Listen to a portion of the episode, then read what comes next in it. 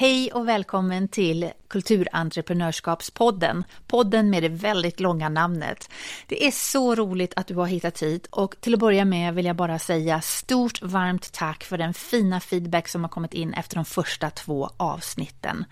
Det här är en podd för dig som är yrkesverksam egenföretagare på ett eller annat sätt inom kulturella och kreativa branscher och som är nyfiken på vad du kan göra för att stärka upp och synliggöra dig själv och det du skapar, att hitta nya vägar att nå ut, att öka dina intäkter och bli hållbar inom det du gör.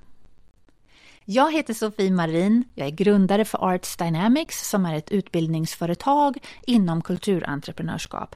Vi är ett så kallat edtech-företag, det vill säga vi jobbar med education tech, där vi blandar utbildning och teknologi.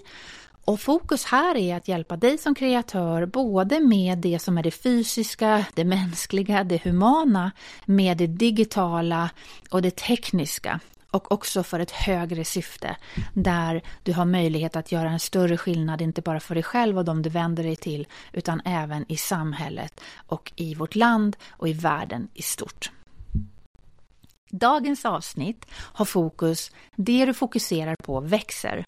Och jag tänkte vad bättre än att ha det just idag för att alldeles inom kort efter det här äh, avsnittet som jag nu spelar in så är jag på väg in till Epicenter för att repa repetera och reka inför våran eh, första meetup som vi har där imorgon.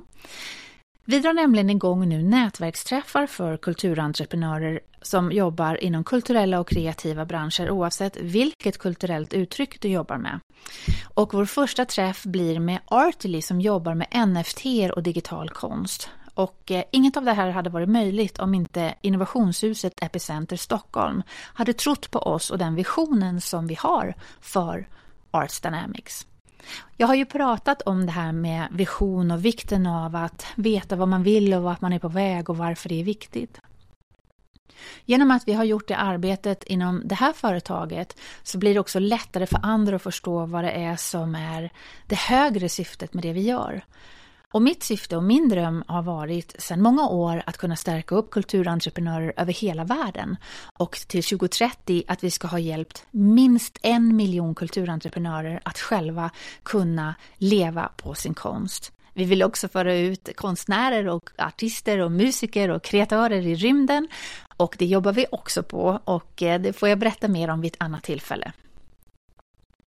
Träffen imorgon på Epicenter Stockholm kommer att ha fokus NFT och digital konst för att när man jobbar som vi gör inom de här konstnärliga yrkena så är det otroligt viktigt att ha både en kunskap om kulturarvet, var vi kommer ifrån, tekniker i det fysiska rummet. Men för att vi ska klara av den här transformationen som nu sker inom digitalisering och tech så är det jätteviktigt att veta vad som väntar runt hörnet. Om inte annat så för att kunna fatta ett beslut om hur man vill förhålla sig till det. För du kanske inte vill göra det, men det kan vara så att andra gör det och om du inte har koll på det, då kanske du hamnar efter. Du kanske gör ett medvetet val att du inte bryr dig bakom att vi gör det här nu med de här träffarna och varför vi satsar nu på att visa er olika teknologiska framtidstrender och det är för att det finns väldigt mycket mer möjligheter till synergier mellan oss inom kulturella kreativa branscher än vad vi faktiskt kan tro.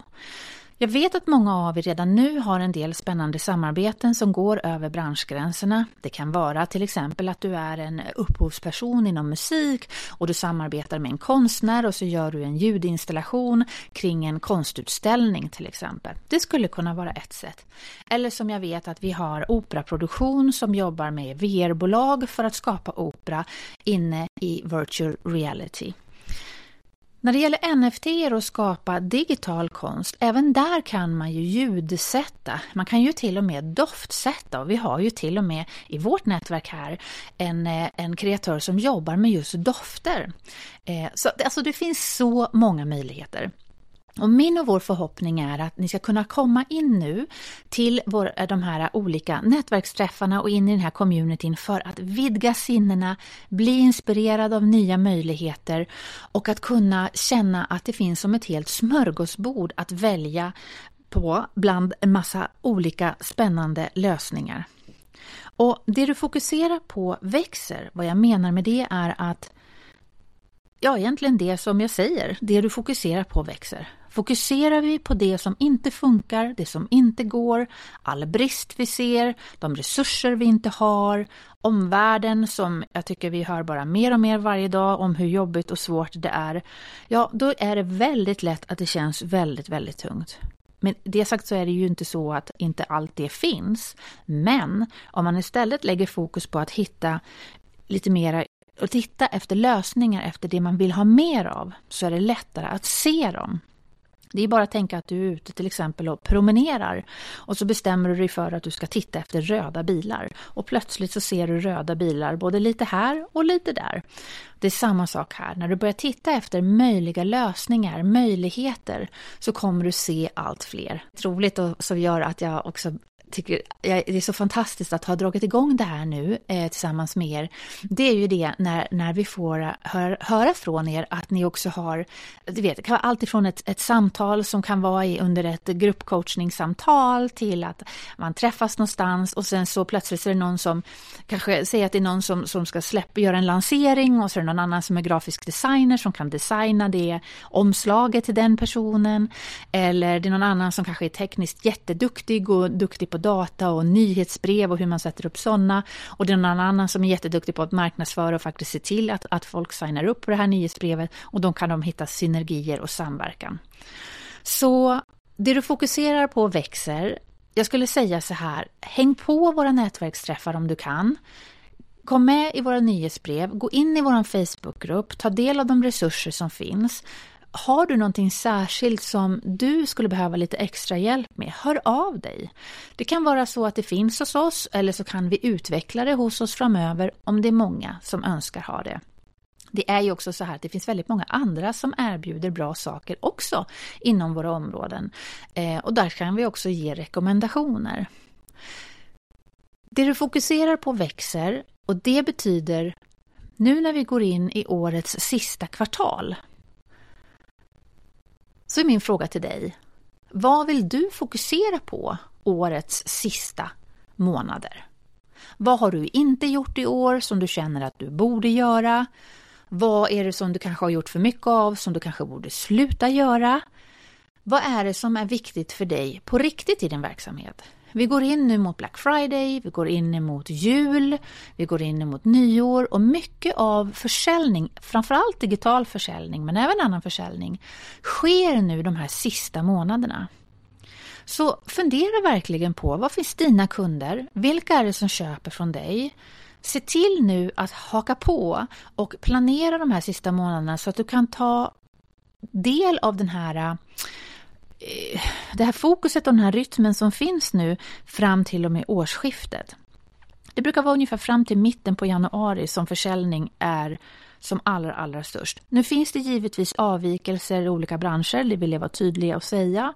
Beroende på vad du jobbar med och vilken bransch du är i så kan det vara så att du har en jättehög säsong just nu eller så har du lite mindre av en hög säsong.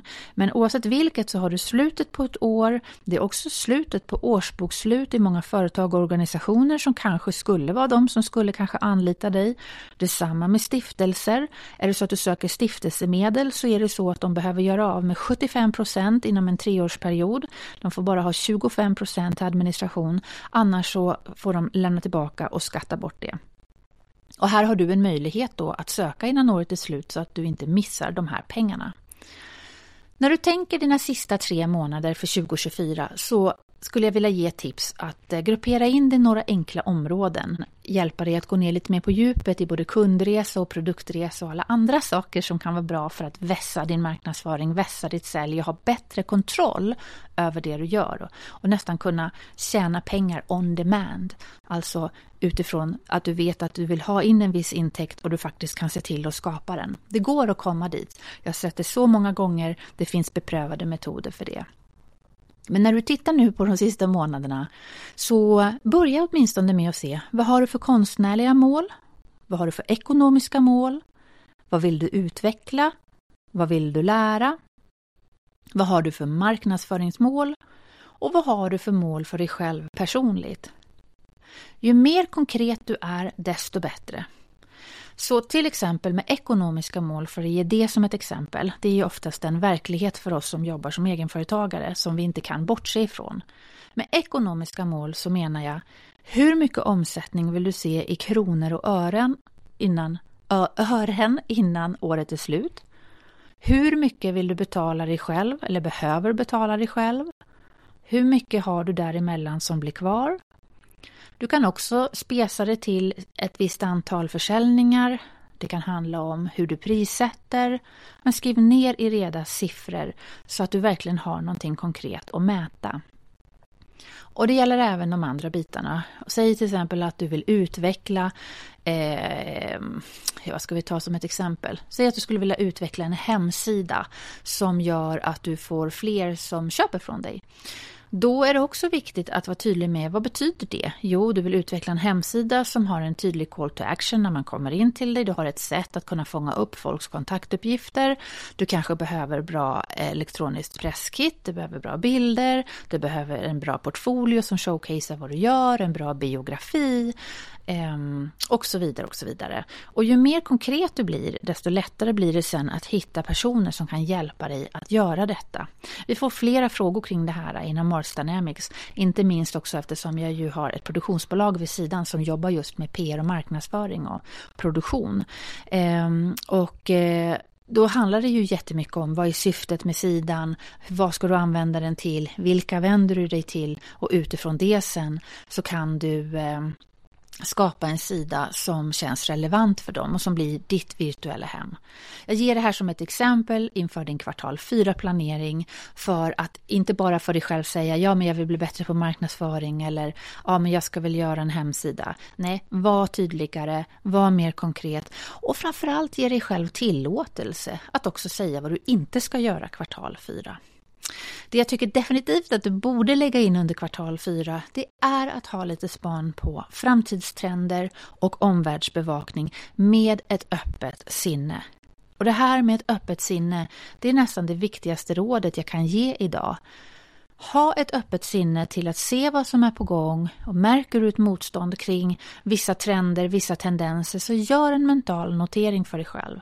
Min erfarenhet är att många gånger så är det där som vår största tillväxtfas finns. Till syvende och sist så handlar det ju om att bygga en konstnärlig verksamhet som utgår från dig, den du är och ditt sätt att vara och kommunicera. Vi ska inte göra om någonting som inte känns rätt för dig, utan det handlar snarare om att förstå vilka som är dina styrkor, vad det är som du kanske behöver lite hjälp kring, vad du känner dig intresserad av och vad du får inspiration av. Också för att kunna välja bort det som inte är. Så det du fokuserar på växer. Fokusera på kvartal 4 för att avsluta året starkt, sätta en bra grund för 2024 och eh, häng på när vi nu drar igång våra träffar om du kan. Det skulle vara så roligt att få träffa dig och få veta mer om vem du är, och vad du gör, vad du har för drömmar, för visioner, för ambitioner och veta att du kommer till en community där alla som jobbar inom kulturella kreativa branscher är välkomna och på ett helt naturligt, inkluderande, självklart sätt bara kunna vara och hänga och lära och må gott tillsammans. Det här blir inte ett jättelångt avsnitt för jag är faktiskt på väg nu in till Epicenter som sagt för att vi ska titta på våran träff imorgon med Artily som kommer och pratar om digital konst och NFTR. Men eh, jag återkommer snart igen med fler avsnitt och vi har ju dessutom flera gäster på ingång. Det ska bli superspännande att få prata med andra inom vår bransch som ska få dela med sig lite av vad de har på gång, hur de har jobbat hittills, vad de ser.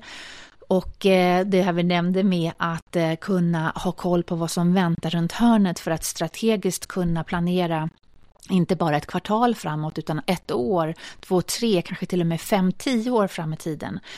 Det kommer att hjälpa dig att kunna känna dig lugn när det stormar runt omkring och att kunna veta hur du ska kunna anpassa dig när saker inte riktigt går som du hade planerat. Det blir lugnare, det blir lite mer tryggare och stabilare Eh, och du är framförallt mer i kontroll över det du gör.